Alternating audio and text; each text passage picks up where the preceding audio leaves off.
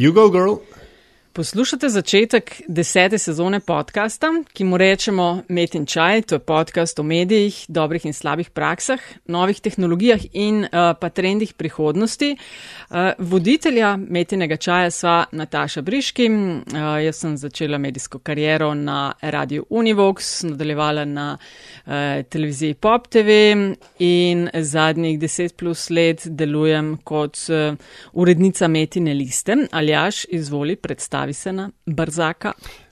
Ja, moje ime je Aljaš Pengovpitenc, medijsko kariero, če se temu ta, lahko tako reče, sem začel na uh, zdaj že davnaj pokojnem uh, radiju Slovenske poslovni kanal, jo nadaljeval na uh, radiju Chaos, kjer še vedno svetim v tej ali oni vlogi, večinoma hišnika, uh, in pa imel cel kup drugih medijskih projektov uh, zraven En od njih, ki se je razpasil preko vseh mej, je tudi blog pengovski.com, uh, ampak vsekakor Nataši ne sežem niti do kolen, kar se mi že, že v redu tiče. Že v redu, Aljaš. Uh, bova odstirala ta uh, najnaznanjen izkušnja skozi sezono, to bo 236. epizoda na začetku takoj rečeva velik hvala, ker eh, naj jo spremljate. Eh, še vedno in še naprej hvala za eh, donacije, tudi za predloge naših gostov. Bova pa v tej epizodi gostila novinarja in analitika, posebnega dopisnika za The Economist, Tima Judom, nekoga, ki že leta spremlja. Dogajanje na Balkanu, v, Ukrajinu, v Ukrajini in ne bo seveda strašno zanimalo, kako on upravlja svoje delo. Uh, greva ljaš kar na epizodo? Prosim lepo. Okay. So, Tim Judah, a big welcome to Metin čaj, a podcast about and on the media. Thank you. Thanks for inviting me. It's a great pleasure to host you, uh, to be our guest. Uh, we were thinking of you for, you know, um, for a while now. And as the situation evolves in the world with everything going on in Ukraine and the Balkans, uh, we are, are really looking forward to talk to you about um, the goings on in the region, your thoughts about it, and of course, since it is a podcast on the media, how you do your, your job. Uh, but Tim, always the first question to all of our guests is, um, so they introduce themselves a little bit. Uh, so for those who, who aren't familiar with your work, could you please uh, tell us a bit uh, about uh, your media whereabouts? Uh, well, I, my media background is uh, that I always knew that I wanted to be a journalist, and I always knew I wanted to be a, a foreign correspondent. So, you know, even when I was at school, I was editing the school um, magazine, and then I worked at university at the university newspaper, and then my my first um, job really after doing my masters uh, was working for the BBC African Service, which is the part of the BBC World Service uh, which broadcasts in English to Africa. Um, uh, you know, I worked there for. Uh, uh, a, few years, and then I worked in in other parts of the BBC. Um, and uh, then we got to 1989 um, and the revolutions in Eastern Europe. And you know, at that time, you know, working for the BBC uh, as a producer, I was spending a lot of time actually uh, cutting tape because this was before digitalization. And I thought I didn't become a journalist to uh, physically cut tape. And of course, the revolutions in 1989 kind of just opened the horizons for, for, for me and for lots of other people.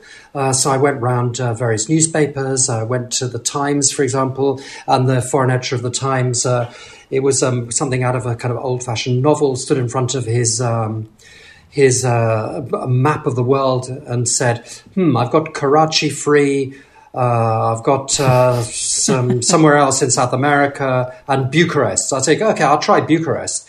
And uh, this was literally just after the revolution. So um, uh, you know, I went to Bucharest and uh, it was uh, February the 16th of 1990 uh, and uh, Ceausescu had been executed on uh, Christmas Day of 1989. So it was really an amazing experience. And then I stayed there for about a year. Um, well, in fact, I stayed there until um, things began to happen in, in, Yugoslavia. There was a sort of long revolution in uh, in uh, in in Croatia, and then uh, you in Slovenia announced that you were declaring independence. So the Times uh, sent me to uh, Slovenia, and then I really never uh, looked back. the f- story was basically finished in Romania. Um, I covered the Slovene independence, the ten day war. Then there was the wars in Croatia, in Bosnia, and so on and uh, so forth. So that was the sort of beginning of my career. Um, and, you know, in the last b- years, I mean, I still continue to cover Balkans and former Yugoslavia, uh, but I do other things as well. I mean, especially uh, Ukraine in, in bouts. I mean, I spent a lot of time there in 2014, 2015. I wrote a book. And then um, uh, I went in uh, January of this year to Ukraine, and then I stayed there for like t- two and a half months. So I covered the whole first chapter, so to speak, of the of the Russian invasion um, of um, of uh, of Ukraine. And then um, one of the first things I did after that was uh, come to Ljubljana and uh, write a piece about your new prime minister, Mr. Golob. So um, mm-hmm. that that's that's my sort of media background. Uh, uh, unless you've got other questions.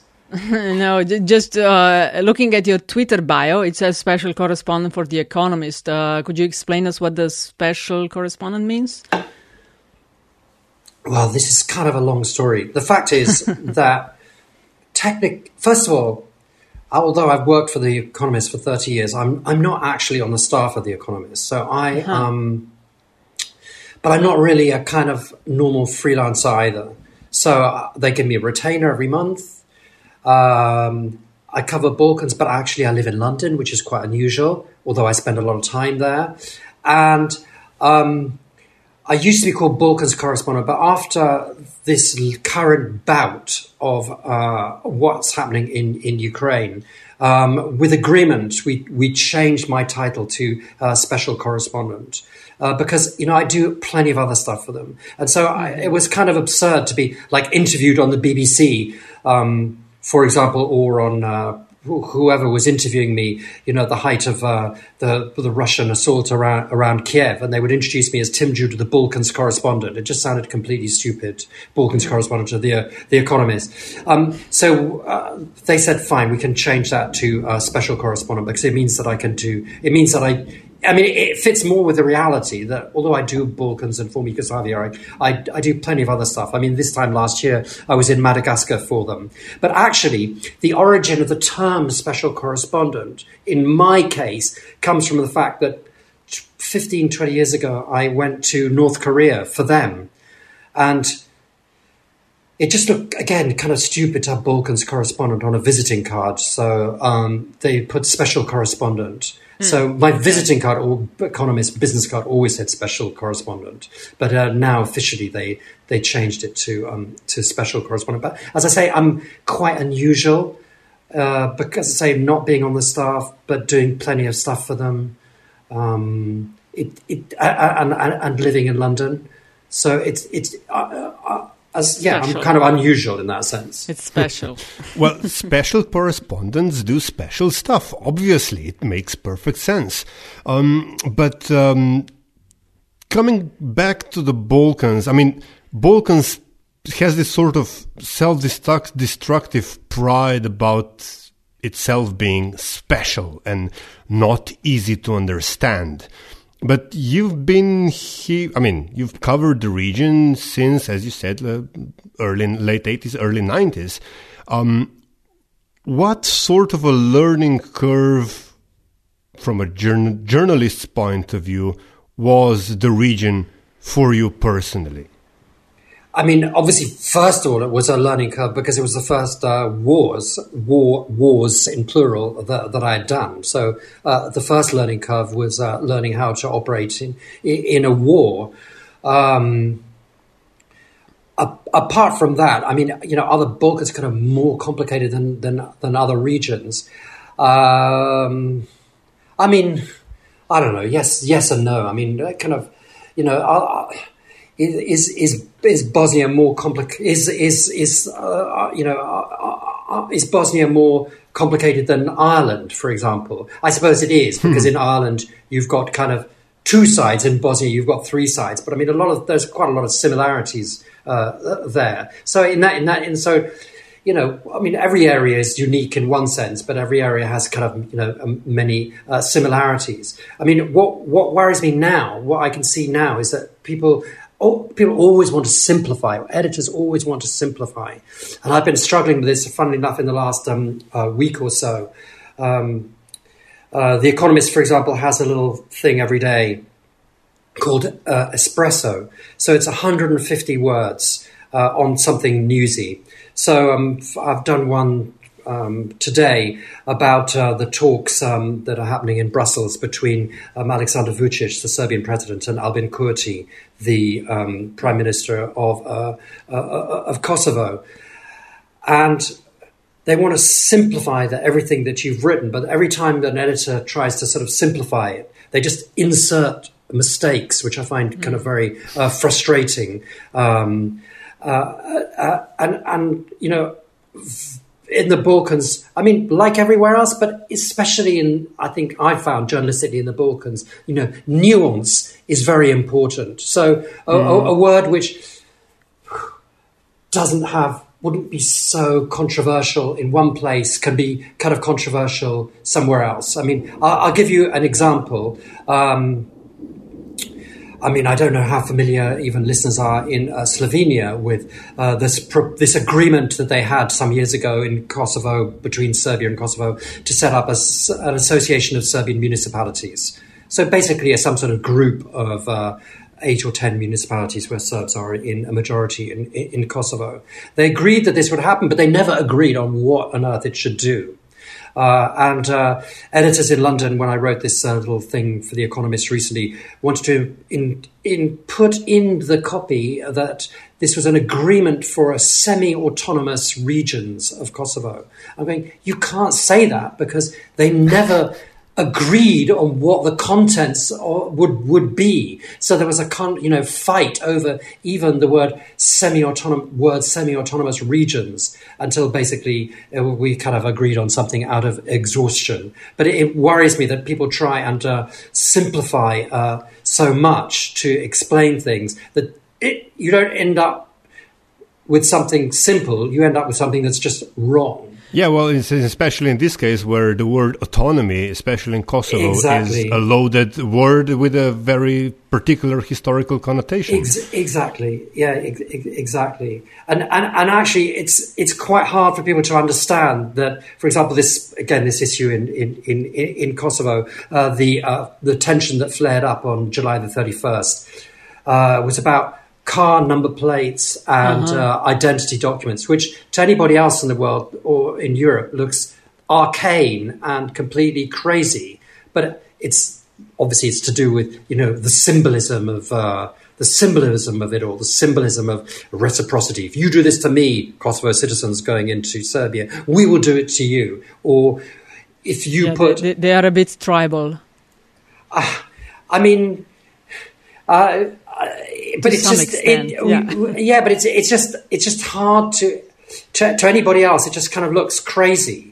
Mm. Uh, so it's very difficult, but it's difficult to sort of get that across that it's to do with this symbolism. Now, I was thinking, uh, Tim, you mentioning the editors. Uh, so was wondering what are they most interested when talking about Balkans, since we are coming from this part of the region, you know, born and raised in Yugoslavia, both of us with Aljaž. What are editors most interested for you to cover? Of course, tensions between um, Serbia and Kosovo. Um, I guess uh, countries joining EU as well? What might be other things as well? I mean, also. Uh, uh, let, let, let me explain. I think in in in my my job at the Economist for Balkans is basically I, I there's there's basically levels like anywhere levels of editors. So you have editor, foreign editor, sure. Europe editor. So I work for the Europe editor who has to oversee things. But basically, my job is that to is that uh, uh, the Balkans is basically subcontracted to me, and I tell him, uh-huh. this is interesting, we should do this. Oh, okay. His problem is always space. Is there enough space? If there's space, then the story will then then they'll take the story and the story will get in. If there's not enough space, then he'll just say uh, he'll just say no, we don't, we don't, we don't have enough space. But it's not like they're interested in this or that. I mean, sure, generally it's better to have kind of a, a, a something with a, a, newsy peg, but you know, if I say uh, which, I've, for example, I've been writing a lot um, on um, demography uh, recently, mm-hmm, or in the last mm-hmm. last few years. If I say we should really do something about, uh, you know, the fact that um, Balkans has got falling populations, or or you know whatever it is, which may not be particularly newsy, you know, if there's space and I'm suggesting it, generally speaking, they'll say, yeah, do that. Following up on that, in what or to what extent rather do um, let's say global news trends drive the issues or the stories that um, economist or whatever other outlet would be then interested in picking up from the Balkans. I mean, just to give an example and random, right now everybody is talking about heat waves and energy crisis and, and so on. And, um, I don't know, five years ago or ten years ago, it was all about the the um, the economic crash, and then you know for a while, whenever uh, discussion would turn to Balkans, it would be, oh yeah, the wars. So, I mean, is, is this something, is like, you know, still again coming about to, the, to that sort of uh, um, quote unquote special status uh, the Balkans sees itself in. I mean, is it a driver unto, its, or unto itself, or is interest in the Balkans from the global media driven by by uh, wider issues? No, I think unfortunately a lot of it is still driven by kind of legacies of uh, of the of the conflict from the 1990s. I mean, there's still plenty of other stuff. I mean, well, not plenty. There are other things which which which which do get into the to the news pages or to, or are reported, but you know, not so much. I mean, I listened to. Um, some of your uh, your discussion with Guy De Launey, and he mm-hmm. talked about um, you know, journalists and uh, editors who had had experience from the 1990s uh, uh, and see anything that happens in the region today uh, as a sort of uh, a kind of the 1990s uh, cu- coming back, which is of course you know nonsense. It's not 1990s. It's it's 2022. I mean that and that is a problem. Yeah, but I think. but especially connected with sort of what you're talking about, global trends. I mean, now the interest is Balkans, Russia, Ukraine, and uh, mm-hmm. and people are sort of making c- connections there.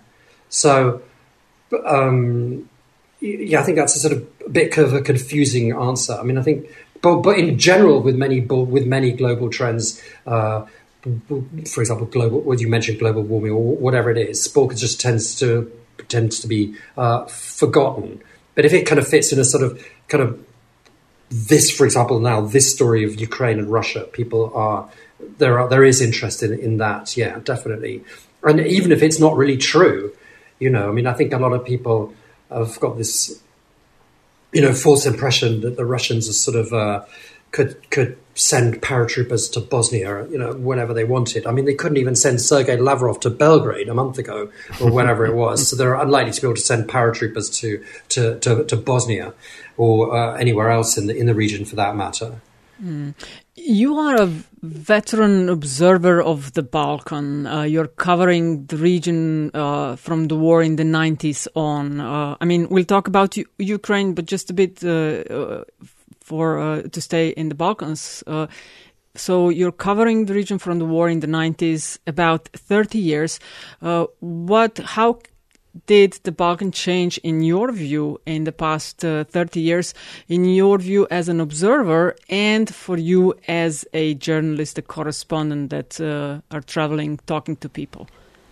I mean, most of the region just didn't change fast enough. I don't think that uh, we anticipated in the uh, at the end of the wars in '95 uh, in Croatia and in Bosnia and in, and in '99 in Kosovo that you know, we would still. I, I, mean, I think that I, like many other people, uh, uh, journalists, assumed that things would move um, much faster. I mean, let me give you an example. I, you know, I don't really like going to report stories in Bosnia, and I because I often find that it's basically the same story now, whatever. I sometimes find I could literally take out a story from five or ten years ago that I've written about Bosnia, maybe change a few details or a couple of names, maybe not even the names, you know, and uh, and send that, and nobody would notice, and they would reprint a story from ten years ago with just a sort of few uh, a few updates. So uh, you know, uh, there is a kind of unfortunate tendency of kind of repetition uh, uh, uh, and not moving fast enough. I think. I mean, Slovenia is a kind of a obviously the sort of the the outlier of, of the whole of the whole region, um, and just kind of kind of grown up and left it left the region behind in, in many senses. Not completely but it, but it, but in many senses. But apart from that there is a problem of of being a little bit trapped in the past and not moving not moving away from the past fast enough. I, I almost don't dare ask why is that in your opinion? I mean but uh, the, the, it seems that the usual the go-to answer would be the local politicians. Just i don't know this morning when before we recorded this i saw the the outburst of the high representative in bosnia uh, about about uh, um, politicians local politicians actually being invested in, or rather having interest in things not not changing. I mean, could it be that it is that simple? I mean, unfortunately, it probably could be, yes, because you know, change uh, means the end of uh, would be mean the end of uh, of many a career. I mean, I think that was the perhaps the long term uh, the long term legacy of the arrest of uh, of Sanader in, in Croatia, perhaps that um, you know if you institute change and you've been part of the system. Not everybody, of course, but I mean, you've been you've been part of the system that has been maintained since the wars. You know, you have a lot. To, you may have a lot a lot to lose, um, and I think that's yeah. I think that that that is the case, unfortunately. Um, but is this is this is this a system that uh, is self perpetuating? I mean, is it breeding new members and, and cannot be just I don't know waited out until it rots and disintegrates? I mean, is biology even a factor here? To be very very blunt, um, I once interviewed a, um, an Albanian uh, from from Macedonia, and he said the problem is we we have the we, we've been left with the worst of two legacies the communist legacy and the, the Ottoman legacy uh, mixed together. And to greater or lesser extent, that's true over a, a lot of the region, obviously, not, not all of it. Um, but I, I, I, do think there is a kind of, I mean, there's this political traditions which are not, they're not new, they're not, you can't transform without you know, radical politicians who who who have the weight and, and the will to transform a country. You know, otherwise you've kind of kind of reverted to a kind of to sort of older patterns of politics, or you've just kind of upgraded, modernized, oh, modernize perhaps I should say, modernize traditional patterns of, of politics.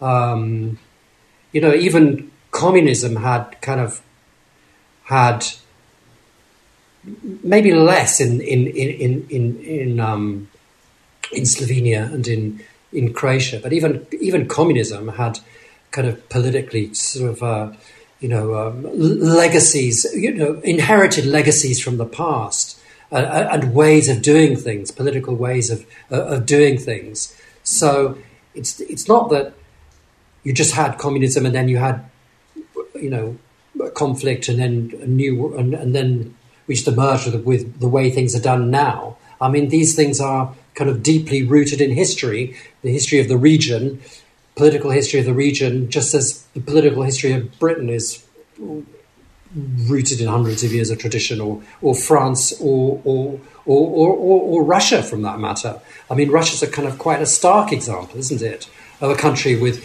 so much potential, so much hope, uh, but has simply reverted to the sort of worst, you know, worst um, traditions of its uh, czarist uh, political past. Obviously, the situation in the region is complicated. It got even more complicated in the context of war in Ukraine. I mean, one would say for, for the Balkans that the uh, being complicated, it's part of its DNA. Uh, you interviewed in those decades many leaders uh, in the region, um, and since we are in times that are quite challenging and uh, uh, we are looking for the leaders that would sense what moment uh, in the history we are in. Uh, who were you most impressed with? Uh, who do you see as a leader and not only a president, a prime minister, or? Uh, well, you've caught me off guard there. I mean, you mean somebody who, who, who, who could rise up to the challenge that we are at the moment, not only the Balkans but worldwide? Yeah, I don't know. I'm not going to answer. I've okay. been completely caught off guard there. So I, have if you'd warned me you were going to answer that, I would have thought about that all night, but uh, okay. I haven't. so no, I'm not. I don't. I don't know. Yeah, okay. I mean, that's like saying. I mean, it's like saying people used to say, "Who is your hero?" You know, I always thought if anybody ever interviews me, asked me who's my hero, I would be kind of stumped. I wouldn't really know what to hmm. reply. Mm. So I, I, I, I, don't know. And, I, and I hate it when people go, "Oh, like Nelson Mandela's my hero," or what's they always come come up with the same sort of stock cliche answers. So uh, and. I don't. I've, I've never been the type of person thinking, "Oh, that um, he's my hero," whatever. I'm I'm not hmm. like that. Okay, you wrote. But it, it, I'm sorry, uh, Natasha, but yeah but it's it's an interesting topic because it, it, goes back to your answer about the worst of the communist and, and a mix of the worst of the communist and Ottoman legacies. Um, and it's a version of something that we in Slovenia mm, call the um, I don't know poprečnost. Natasha, how do you translate oh, that? Uh, Averageness. Yeah, yeah. Uh, yeah being average, being yeah. average. Like the moment the moment you you you uh, um, you know put your head above above the average, it, it got gets caught off. And now in my conspiratorial theory mode is was Zoran Djindjic perhaps such a man and uh, such a leader? And was his assassination a warning to others or just, um, you know, uh, uh, the underworld taking its. No, that, that's true. I mean, Djindjic is a good example. Djindjic is a good example of somebody who, who, who could have taken radical decisions and toyed with the ideas of radical decisions, especially when it came to, to, to, to Kosovo. Um, uh, uh, so yeah, I mean, I mean, we'll never know. It's a sort of Kennedy-sized question, isn't it? You know, well, what would he have done if he would have he would have lived? You know, maybe the whole region would have been completely different. But it's it's what's called a, a what if of history. We you know we don't know. There's no way. There's, there's no way to know. Mm. Uh, you you wrote three books uh, on the Balkans. It's the Serbs, History and myth, and the Destruction of Yugoslavia, and then Kosovo, War and Revenge, uh, and Kosovo, what everyone needs to know. But then six years ago, you wrote a book uh, in wartime, stories from Ukraine. Uh, six years ago, you um, spoke with people, and you go to places you've been uh, to Ukraine uh, this year many times uh, as well. What do you make of it? Uh, how um, relevant is the book today? Did you think that when you wrote and published this book that that would be it, or did you sense uh, things aren't finished in that part of the world yet? Um, well, the, the, background to the book was that I'd spent a lot of 2014, 2015 uh, reporting the, the, Maidan revolution uh, and then the beginning of the war um, in the in the east. Uh, it was clear that, you know, by the time I'd finished the book, that the situation had kind of frozen in um, in in Ukraine. Um, and my feeling was it would go on for a long time. But I mean, I, I, had no idea what what would happen. And I have to say that even um, when I went back in uh, January of this year, um, I didn't think that um, that that uh, Russia was going to uh, launch a sort of all-out invasion to try and destroy the whole country and uh, basically retake the whole country if it could, which is which is which is what happened. And I think that uh, although I mean I thought it was quite possible there would be some sort of conflict and but um, n- n- not not what happened. But what what is interesting is I think that that book, I mean, it it is a book of its time. It's still, I think, quite a good background because I spent a lot of time. It wasn't just the sort of reportage from the sort of war, the, from the from the from Donetsk and Donbass, but I mean, I drove around the whole country. Um, and you know wrote stories from, from from the whole country. So it is a kind of still a good background, you know, uh, for anybody. I mean, it was the type of book which I would have liked to have read in 2014, 15, which didn't which didn't exist. Um, so that was, a, a, I mean, you know, good, good reason for writing it. I mean, I think a good l- rule for writing a book is, you know, would I want to read it myself? Um, but w- what was really interesting now was that I, I went back in January. So I was there for three and a half weeks before the Russian invasion began. So I went to Lviv in the west, I went to Odessa, I went to Kharkiv, and then I arrived in Kiev for, from February the 20th, so four days before the, the invasion began. And what struck me was, in comparison to the period when I wrote the book, was that how radically Ukraine had changed. I mean, it had really changed a lot.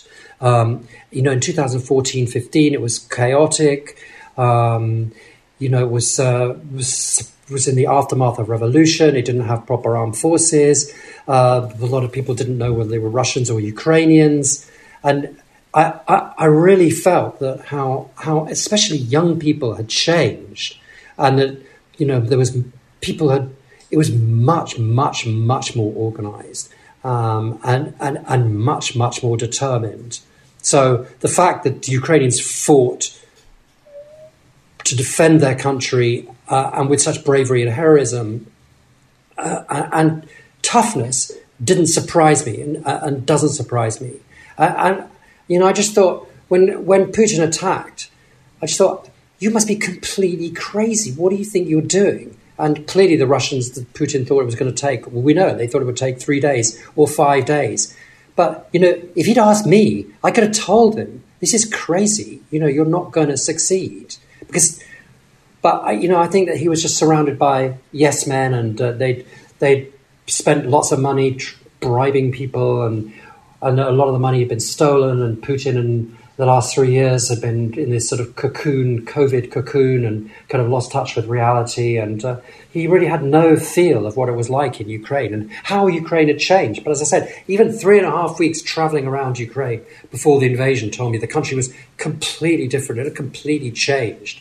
Um, and, and I tell you one thing which is really kind of interesting, which, um, which, which was that um, I think in three or four years ago, uh, I can't remember the exact date, uh, visas were abolished for Ukrainians for um, traveling to, to the EU, to the Schengen zone any, anyway. Um, and in, in that period, it meant, it transformed the lives of young Ukrainians. So it meant that for the first time ever in history, a young Ukrainian, a 22 year old, young Ukrainian, is, was no different from a 22 year old in or now in Slovenia or in London or in or in Spain or, or in Italy, because it was the the fact that they didn't need visas and cheap flights, Ryanair, Wizz Air, and, and so on, meant that for the first time in history, a young Ukrainian could go on holiday, could go for like a long weekend to Barcelona, uh, you know, have fun or do do whatever they like, which had never been the case in history. And in a way, I think that was something which I don't know to what I don't want to say that they were like specifically aware of this in Moscow, but it meant that for the first time that a young Ukrainian didn't look towards Moscow as a sort of great center intellectually, business wise, socially, politically. It meant that you know they were becoming part of Europe. So I don't know if you can hear that thunder in the background. They were becoming, they'd become part of Europe, and Moscow was not interesting anymore. You know, it was just so it, it, psychologically it was changing the whole country, and of course the war has just only accelerated that. Now Russia is not just somewhere not particularly interesting, as it had been for their parents and, and, and grandparents, in the sense that Ukraine had always been kind of somehow orbiting Moscow. You know, that's just no longer the case. And for the younger generation, this abolition of visas really had this tremendous effect. Um, in that, in this respect, I mean, this obviously opens a, a, a plethora of, of, questions, but um, the European Union has, at the same time, been, I mean, from one point of view, uh, remarkably unified, especially in the wider sense of, of the Western uh, Western allies, uh, in its response towards towards the Ukrainian crisis. Mean, obviously, the aggression uh, uh, against Ukraine. Um, later on, this sort of kind of dissipated with the um, Hungarian um, government uh, going solo. But on the other hand, uh, there's been a lot of derision against the uh, European Union for, um, quote unquote, again seeing the limits of its uh, so much wanted soft power. What's your view on this? I mean, has the EU um, sort of reached the, the outer limits of what it can and cannot do? I mean, look, you know, the, the EU has done if you had pre- tried to get me to predict, or anybody to predict, you know, on February the 23rd, if Russia does a full scale attack, what will the EU do? I don't think anybody would predict that they would have done as much as they uh, have done. I mean, welcoming of millions of Ukrainians without a without a without a blink. Um, compare that to 2015, uh, when, when when migrants and refugees were coming from Syria and Afghanistan and, and so on, and um, helping with um, with military procurement. I mean, the EU has just done an incredible amount. So, you know, I think, uh, uh, and, and, actually, even the Hungarians haven't really been able to to stop that. I mean, that's they've been a, a kind of yeah headache, but you know, still the EU has done, I think, much more than expected, and and and that unity has uh, has kind of lasted, you know, it's pretty much lasted through the through the six months now. Um, I mean, of course, there's going to be you know complaints and and uh, uh, and, and, differing opinions. But I, I, think that on this, the glass is definitely half full, as we say. The challenges ahead of Europe uh, and how many Europes there are within Europe, uh, those are the things that will be debated by, by some uh, heads of state and the ministers at the upcoming Bled Strategic Forum. Uh, I, I, would be interested to hear uh, their thoughts about that as well. Go ahead, Aljaž. Yeah, uh, I'm, I'm sure we will because it, there's been a lot of criticism about uh, EU sort of not really engaging or engaging enough in the Balkans and, and uh, the Americans, quote unquote, having only this military strategic interest in the region rather than actually helping out sort, sort, sort the problems. Uh, not saying it's true, but the criticism is there. Um, so is this decades long experience of non-managing the Balkans been instructive in you know the the opposite approach uh, uh, by the Western allies in Ukraine, and vice versa. Uh, can can it have a positive effect in the Balkans going forward? I mean, I think vis-a-vis going looking at Ukraine, I don't think anyone thought about Balkans. I think kind of never never came into the consideration. I thought everyone had forgotten about the Balkans. But having said that, I mean, uh, there has been a lot of renewed activity and renewed interest in the region. I mean, we saw that uh, over the f- fights uh, and fights, I should say, partly led by Slovenia over whether Bosnia should get candidacy status, because you had this kind of big argument going back well, a month or, or, or so ago when Ukraine and Moldova and Georgia all replied for candidacy status, and everyone in the Balkans goes, "But hang on, what the hell? We had to do all sorts of things to get candidacy status, and and you." And, and you're just going to just sort of jump the queue uh, and get it. It's not that people were against it, but they're thinking like, well, we should need to accelerate things in, in the region. But uh, and so, uh, and, and, Slovenia was obviously with Austria was in the lead in trying to get candidacy status for for, for Bosnia, um, and of course talks in old fashion have begun uh, with North Macedonia. You know, as as a result, so I think there is kind of renewed interest, but I, I think I think that actually there's a sort of limit though because you know, although it was sort of noted that um, Bosnia doesn't have candidacy status, at the end of the day, it is the problem that Bosnians can't agree on anything, and they've been asked to do various things, and they they've never done them. So, you know, uh, there's a limit to how much um, outsiders can do. Having said that, I mean, I do think that you know people people have been very aware of the Russian presence and could could Russia stir up trouble. I mean, and you know the fact that the fact that um, uh, they announced the doubling of the size of EUFOR in Bosnia from 600 to 1100 or 1200 uh, on February the 24th was kind of uh, no coincidence, as they say. I mean, I, mm. or maybe it was a coincidence in the sense that they announced it on February the 24th, um, the day of the Russian invasion, because that had been in the works for months already, and I think that would have happened. That would have happened anyway. Um, but but keeping an eye on what the Russians were up to and what they were capable of doing, and, and the fact that Dodik had been boasting that if um, that if anybody tried to stop him and uh, seceding and carrying on with his plans, um, his friends would be there to help, and everybody understood that to mean the Russians, and therefore, you know, they started to take some action, which was pretty slow, but they they have definitely done something and are definitely aware of the of the issues. And of course, can Russia stir up trouble in the Balkans as things stand now? Because uh, obviously, still uh, everyone is uh, informed by the 1999 episode of, of uh, Russian forces taking the Pristina airport runway, which connects to my favorite uh, James Blunt anecdote.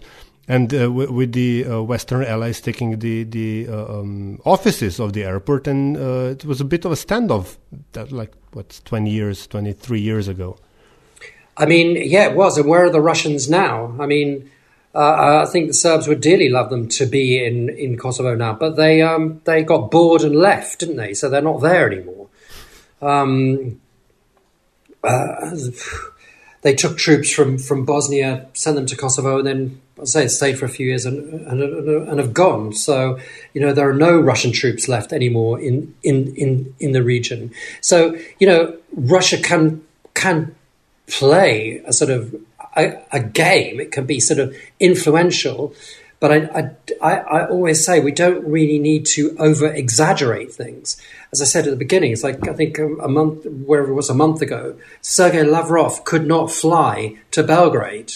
I mean, the Russian foreign minister couldn't get to Belgrade. If you can't get one foreign minister to Belgrade because uh, NATO allies around Serbia uh, block his flight, you're not going to be able to get any, uh, any any any soldiers to to the region. So you know, let's not over exaggerate what uh, what the Russians can do. Um, and I think that it's you know, especially when it comes to Serbia, you know, you've got this kind of Russophile public. It's a Russophile public also, which is made even more Russophile by the, effect, the effective government control of the, the, the Serbian media, which um, which presents everything in a sort of Russophile. Uh, you know, in a sort of pro-Russian, pro pro-Russian way. Uh, and and the Russians have worked very hard to sort of um, enhance their agenda in in, in Serbia, um, and you know also in amongst amongst Serbs in, in, in general and, and in Macedonia. But you know, Alexander Vucic has always has long played this sort of clever game of um, of sitting on the fence and quite successfully. You know, he's just been seeing the NATO Secretary General. Uh, you know, Serbian army troops are trained by the Ohio National Guard. Uh, the, the, US and, and, NATO does training at the Serbian base, base Jug in the south, very close to, to Kosovo. Uh, they do lots of exercises and training uh, with, with with NATO and a bit and a bit with Russia too. But you know that's the stuff that gets the publicity. The, the, the stuff that it does with, with NATO and, and Western countries doesn't get much publicity, but it's pretty important. Uh, out of curiosity, Tim, you, have been covering many wars in your uh, journalistic careers. You travel uh, regularly to wartime zones. How do you, as a journalist, as a correspondent, take care of the insurance of yourself when you go to uh, these places? Does I mean, the insurance is generally, generally when I, I mean, uh, the insurance is obviously incredibly important. Uh, and so, for example, if I'm wherever I go for the Economist, then I'm insured. So, um, yeah. So do you need to I- take any special ones? I'm asking this because uh, years ago I've been to the North Pole and there weren't many insurance companies that covered that that part of uh, the world. As I would assume, going to wartime zones is not covered by by a regular ins- insurance. So this was just out of There is not. Well, I mean, there. I don't know the details because I don't do it. That's, Okay, the, that's okay. the problem. Is that the the economist does it, or, or somebody else does it. Having said that, that I know that there are uh, for freelancers anyway. There are certain companies which do do insurance for freelancers, which are which are Uh-huh. not that expensive. But I, I, I mean, I, I've never had to use it, so I, I don't know the details. I know that Okay, okay. uh, actually that's not quite true. I think in 2014 I did do some um, via Reporters Without Borders, the, based in Paris. Reporters Sans Frontières. They had an insurance company, but I but I noticed recently that, that their insurance company wasn't working for some reason. But I mean, it's it's quite possible to get insurance even for for for freelancers. Um, Yeah, but it, but it is pretty important. I think that it's always a message that you have to give to sort of uh, young freelancers, you know, or p- people who want to venture into war zones. You know, make sure that you're insured. It's really important, and and people forget that. Uh, before we go to uh, the last question, uh, you are also chairman and president of the board of uh, Balkan Investigative Reporting Network. If there would be some uh, media um, house or a journalist interested to cooperate with you, how can someone join or work with you? Is that a possibility out there uh, at all? I mean, the, the answer is simple: is that the since it since it began a decade, fifteen years ago, um, BIRN has grown enormously. And as president of the board, I like to explain to people. I have to explain to people that I am effectively like the Queen of England. I'm a kind of figurehead, uh, but I don't have any uh, power. Uh, but I can tell you who to get in touch with. But it depends what you do or or or or or, or who you're interested in. Because actually, BIRN is, it, as it says in the network, it is a as it says in the name, it is a network. So you do have a kind of BIRN what's called BIRN Hub in Sarajevo.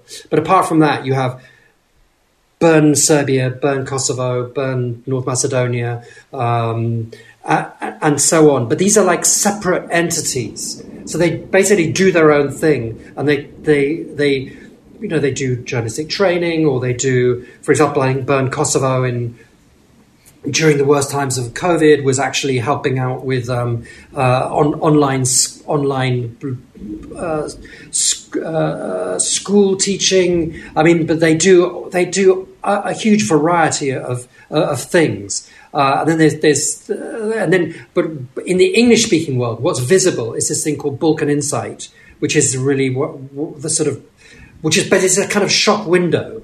You know, it's it's it's a small part of the whole of the whole system. So tell me what you want to do, and then I can, or tell me what you do, and then I can tell you who you need to speak to. You know, there there is a CEO who kind of oversees things, but then in Serbia, in Maced- North Macedonia, and Kosovo, you know, they will have their own bosses, their own boards, etc., etc. So mm. that's a long answer to your simple question. You mentioned Balkan Insight. Um, what are, for someone like you, covering the region for, for many decades, what are for you the news sources you follow uh, to know or to get the information what is going on in, in the Balkans? Since you know you're based in, in London and you uh, sort of I don't know parachute or what's the right word? The, I do come up, but I come a lot. You know, I spend a lot of time. So, I mean, what are my news sources? I mean, the Mm-hmm. Yes. news sources are a lot of them are the same as yours. And even if I don't speak whichever language we're talking about, you know, Uh-huh. we are in a world of Google Translate. So I can read, um, you know, all, all the news sources uh, that I, all the news sources like like everybody else. And then, uh, you know, of course, then I've got all my a friends and b colleagues, and whenever there's something interesting, then I'm just I get in touch and say, look, is this something I need to be doing, or what's happening? Is this serious? So uh, n- no different from anybody else. The fact that I might be in London or now in Italy mm, is more or less the same as you being in in Ljubljana. Uh, Thank you very much, Tim, for, for sharing all of this uh, with us uh, and being a guest of uh, Metasty. Uh, and with Aljaž, the last question is always the same to all of the guests, and that would be to share, uh, tell us something sort of new or something that we don't know. Uh, that could be, that obviously is, is a lot of things. Uh, but it asking you to share with us. Um, an anecdote, a story, uh, a, recommendation that you would find uh, being interesting for uh, our audience. So please go. I mean, it's not a recommendation. I was just thinking what I was going to answer to this. Uh, my my anecdote. You you said before maybe to think of an an, an anecdote that uh, the my first uh, experience of the of the war in in Bosnia was to spend um, time in the broom cupboard of the behind the desk of the uh, Holiday Inn hotel in Sarajevo. Um, I just came back right at the very. I've been out and uh, out, I've been outside. I've been. It was clear that something was about to happen. I came back with a colleague. We went, went into the. Um, into the into the Holiday Inn in Sarajevo, and a UN official was going out the other way, and he goes, I just saw I found a bullet hole in my room. I'm off. This is getting serious. so we went up to anyway. I thought, okay, fine. So I went to the desk and I said, um, "Can I have my key to room one one three or whatever it was?" At which point there was this incredible sh- noise, which was basically shooting. But we had no idea what was going. But literally, this colleague and I, we literally jumped over the reception desk, and there was a door behind the reception desk, which was actually the where they put the coats and brooms and we thought, fine, maybe from here we can get out. But we, we couldn't. It was basically a little cupboard. And we couldn't get out of the, uh, uh, we couldn't get out of this thing. and then we could hear screaming and shouting. And at that point, uh, Karadzic's uh, people uh, Bosnian Serb leader Radovan Karadzic's people were still in the Holiday Inn because they'd bought it through some sort of privatization, as far as I remember. Uh, and um, they had been moving out in the last few days, but there were still people left. And uh, they were apparently sniping at the crowds which were demonstrating on the outside, which was one of the sort of pivotal events at the beginning of the war in, in Sarajevo. But we didn't know what was happening in the broom cupboard. And uh, so then we looked up, and there was a sort of lowered ceiling you know, with those panels and then above it, the sort of pipes. And we thought maybe if we climb up there, we can get out. But it was useless because as soon as we kind of start starting pushing the panels aside, we realized we would, um, we would fall through the ceiling. So we were just trapped. And I thought, shit, this is really serious. They're going to come in, shoot us, and then ask questions later on. But they didn't. At which point, we could hear them shouting, journalists, journalists, get out, get out, get out. So we came out of the broom cupboard, and there was the Bosnian police, special units of special police, with some of um, Karadzic's SDS men spread eagled on the floor um, that they'd caught. They said, get out, get out. So we got out. We went to a building next door, which I think doesn't exist anymore. I wonder if it was shelled and then they never rebuilt it. We went in and we, we knocked on somebody's door and they, we said, Can you let us in? And so we wrote our stories. We managed to phone the stories in to, to, for my case, to London then wherever. And um, then we went back and to the hotel.